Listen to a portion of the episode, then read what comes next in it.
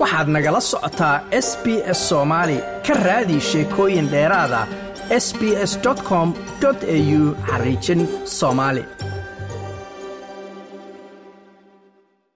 xasan waa mahadsan tahay culayskan waxaa keenay ra'iisul wasaaraha cusub liz trus iyo wasiirka maaliyadda ama xogeyaha maaliyadda quasi quateng oo labadaba la yimid qorshe ah maxay ahaday oo oo macnaha muddo gaaban ah oo loogu talagalay in nolosha adkaatay iyo maxay ahaday xaaladda xagga tabarta iyo shidaalka oo maxay ahaday dhibaato ka timid gabaabsigiisa ay dooneysay in ra'isul wasaaraha iyo wasiirkeeda maaliyaddaba inay dadka wax u qabtaan. Marka waxay ku ballan qaaday in ay dhintay canshuurihii.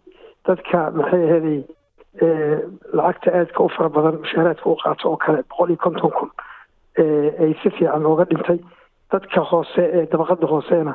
Boqolkiiba labaatan buu ahaa canshuurta laakiin sagaal iyo toban laga dhigay oo boqolkiiba hal laga dhimay.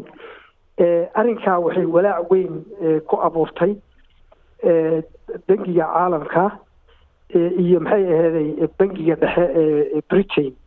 Sababtoo ah waxaa loo arkay in aynan ahayn arrin sii jiri karto sababtoo ah waxay dowladdu arrinkaa ku dabooleysaa in ay lacag deensato arrinkaana wuxuu dhaawac weyn u keenay ku keenay suuqa iyo ganacsatada iyo maalgashatada kuwaasoo walaac ka muujiyey taasaa keentay in starlin boundka oo ah lacagta ingiriiska ama geniga ingiriiska in uu dhulka galo waa gartay marka saa sheegtay bankiga dhexe u k faragelin buu arrintan ku sameeyey. Sidoo kale i m f tu waxay sheegtay ama dowladda ka codsatay in qorshayaashan canshuur dhimidda ay ka noqoto. Ma laga yaabaa marka dowladdu inay ka noqoto arrimahan si dhibaatooyinka jira wax looga qabto? Way u muuqataa cadaadinta faraha badan ee hadda la saaray ra'iisul wasaare liz trus iyo wasiirka maaliyadda quasi quateng aad bay ugu muuqataa in arrinkani lagu sameyn doono gebi ahaanba yutan sababtoo ah hadaad la socoto shalayto ilaa toddoba radio oo ah kuwa gobollada ayaa mid walbaba saf ugu jiray in uu waraysi la yeesho. Ra'isul wasaaraha wayna la yeesheen. Runtii ra'isul wasaaraha hadalla xataa iyo jawaabo way u weysay su'aalihii. Arrinkaa waxay keentay dad badan oo dooda kala soo qayb galay oo oo dadweynaha ah in ay ku dhaliileen oo yidhahdeen xaggee jirtay markii bangiga caalamka iyo qolyaha i m f ta iyo maxay ahayd central bankiga england ay arrinkan soo faragashteen ay kugu diidanayeen iyaduna waxay ku dooda arrinkan ukraine baa sababo ah valadimir putin baa keenay. Markaas waxaa in uu qorshe qaato bangiga u k ma valadimir putin baa keenay baa lagu yiri. Marka waxay ku hadashay garan weysay haddii aan waxyar ku faahfaahiyana de xisbiga leber boqolkiiba konton iyo afar ayuu marayaa yacni cod aruurin la sameeyey. Soddon iyo saddex dhibcood buu ka horeeyaa ama percentage buu ka horeeyaa xisbiga conservativeka oo hadda hogaaminay hoos buu u dhacay xisbiga conservativeka wuxuuna marayaa boqolkiiba kow iyo labaatan. Marka la saadaaliyey waxay noqonaysaa haddii maanta doorasho loogu dhawaaqi lahaa in leber ay ku guuleysan lahayd afar boqol iyo soddon afar boqol iyo sagaashan iyo sideed kursi baarlamaanka halka xisbiga conservativekana uu ku guuleysan lahaa konton iyo saddex kursi oo qura. Marka arrinkan leeb cadaadin baa kaga timid muxuu ahay ururka ama ama ama ama ama xisbiga conservativeka gudihiisa ra'isul wasaare trus shirweynahoodiiyo hadda dhici doonana arrinkaasi waxaan u malaynaya in cadaadin fara badan ay ku imaan doonto. Iyadana waxay ku doodeysaa aniga dadka wax u tarbaan lahaa waana saxsannahay bay weli ku adkeysanaysaa laakiin ma u malaynaya arrin ay sii difaaci karta inay tahay. Waa gartay ma waxaa jira baaqiyo lagu doonaya in xogayaha maaliyadda uu isku casilo isaga eedda si gaara loo saaraya? Mise hadda mas'uuliyadda inteeda badan ra'iisul wasaarahay fuuleysaa mas'uuliyadda guud ahaan inteeda badan ra'isul wasaarahay fuuleysaa gaar ahaanna waxay fuuleysaa wasiirka maaliyadda.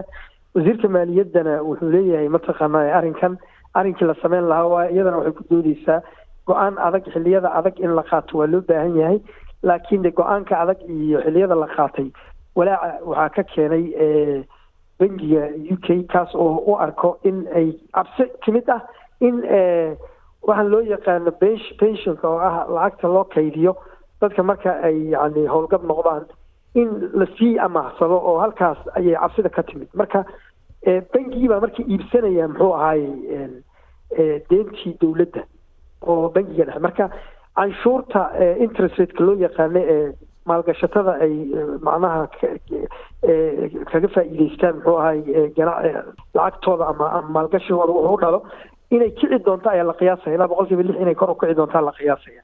Arrinkaana uma roono qolyaha laaloodhiyada la yidhahdo ama guryaha iskale ama mortgageka dadka ay ugu jiraan iyo dadka kirada ku jiraba ama iibsaday oo ku iibsaday deenta iyo nolosha guud ahaanba uma roono.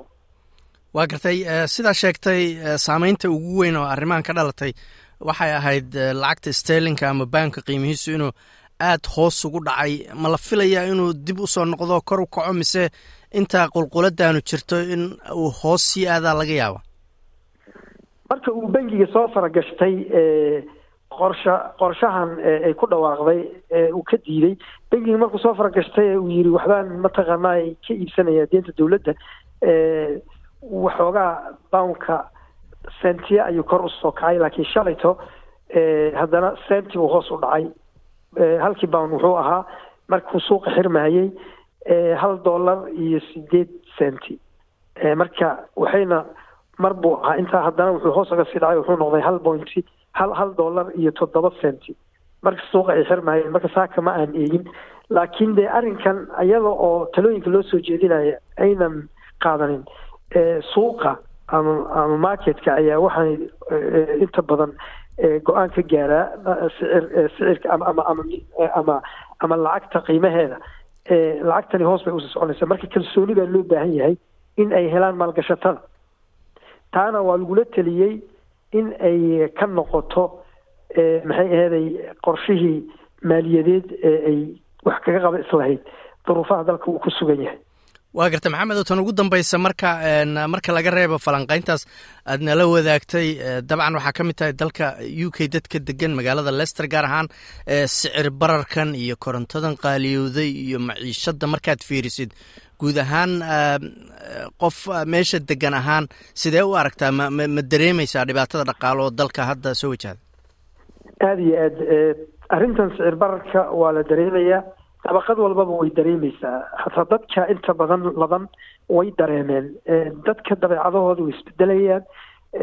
Waxyaabo badan oo marka hore ay macnaha u arki jireen in ay macnaha macno tahay ayay jarayaan. Marka kulamaa ay nolosha sii adkaataba kulamaa macnaha dabeecadda ama ama ama dhaqanka ah inuu qofka lacagtiisa ku tarasufo ku tasarufo waxbuu ka bedelayaa marka way jirtaa maxay ahaday sicirka ay cuntada iyo waxyaabaha daruuriga joogaan wuba laba jabaarmay baa la dhihi karaa. Kor buu u kacay arrinkanna waxaa keenay dee shidaalka oo wax lagu soo saaro dalkan iyo maxay aheeday maxay aheday dagaalkan ukraine saameyn buu kuleeyahay oo siday sheegtay oo keligii ma aha laakiin arrimo badan baa sababay. Haddana waxaan wax soo noqonaya maaha. Mar hadduu bounkii dhacayna waan dareemay de inagii dadka qurba joogta ee dalkii lacag u diri jirtay. Marka hore dee faa-iidaan qabnay. Dollarka markaan ku dirayno bounka markaan dollar ku bedelayno hadda laakiin wixii baa isla ekaaday. Marka waa dareemeysaa like as la wadaag wax ka dheh lana soco barta facebooka ee sb s soomaali